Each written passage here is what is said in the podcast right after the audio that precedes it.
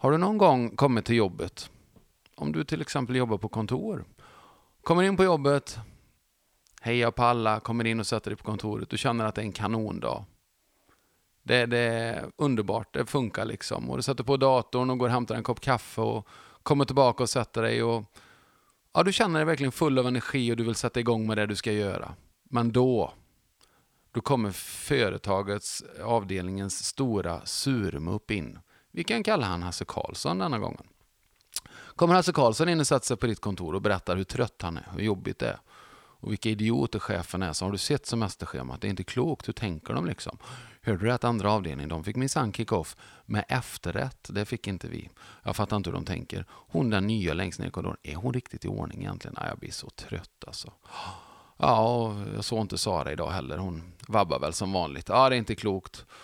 Ja, trött jag blir. Ja, ja, snart är det fredag. Ut går surmuppen och kvar sitter du.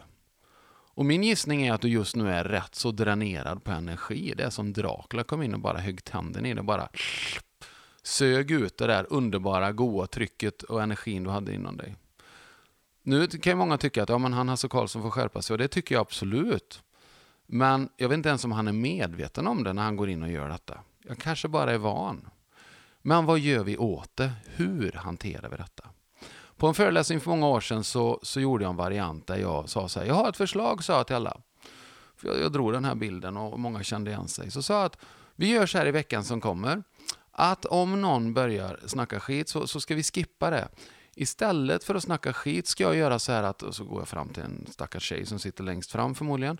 Eh, och så säger jag så här, så tar ni eran högra finger, kör upp den i näsborren, tar ut en riktigt kladdig snorkråka, så kletar ni den på axeln på personen i fråga istället för att snacka skit. Och då givetvis, alla bara åh fy vad äcklig du är. Alltså tycker ni det? Okej. Okay. Jag tänkte också bara för att markera var vi gör detta någonstans, så tar du vänstra pekfingret, kör upp den i vänster eh, näsborre och tar ut en kladdig snorkråka, så kletar du den där ni är också.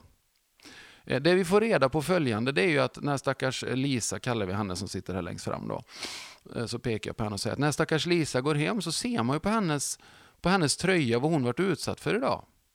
För det kanske är så att Lisa är den som kommer till jobbet och är pigg och fräsch och så vidare. Och så kommer surmuppen Hasse Karlsson in och börjar gegga och tjata sin skit. Men han kanske inte är den enda, kanske kommer in tre till bara för Lisa är en sån trevlig tjej och det är skönt och bla bla bla. Och tjatar med henne.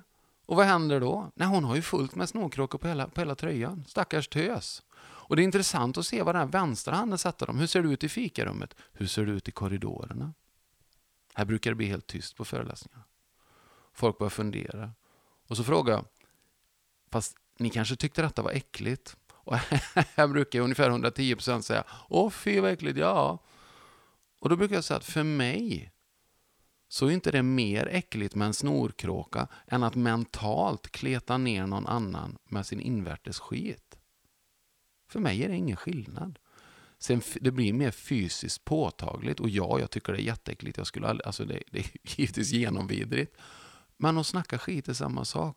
Men vi kanske måste då samlas och gå igenom lite. Vad är skitsnack? Och vi kanske behöver ett signalsystem. Och det är kul, alltså genom åren då, jag kör ju grejer ibland och sen går den och jag har glömt av vad jag har sagt och vad jag har gjort. Och den här snorkråkan, den har jag glömt av några år, och sen poppar den upp igen sådär.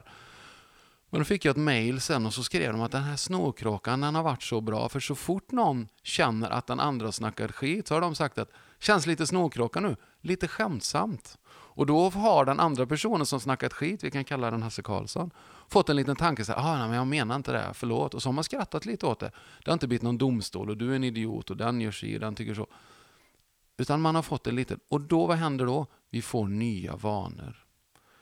Resan från åsikt till beteende, som jag jobbar med när jag jobbar med samarbete, det är ju att, att vi ska gå från åsikt till beteende. Och den resan kan ju vara ruskigt lång. Och har man inte verktygen så är den ännu längre.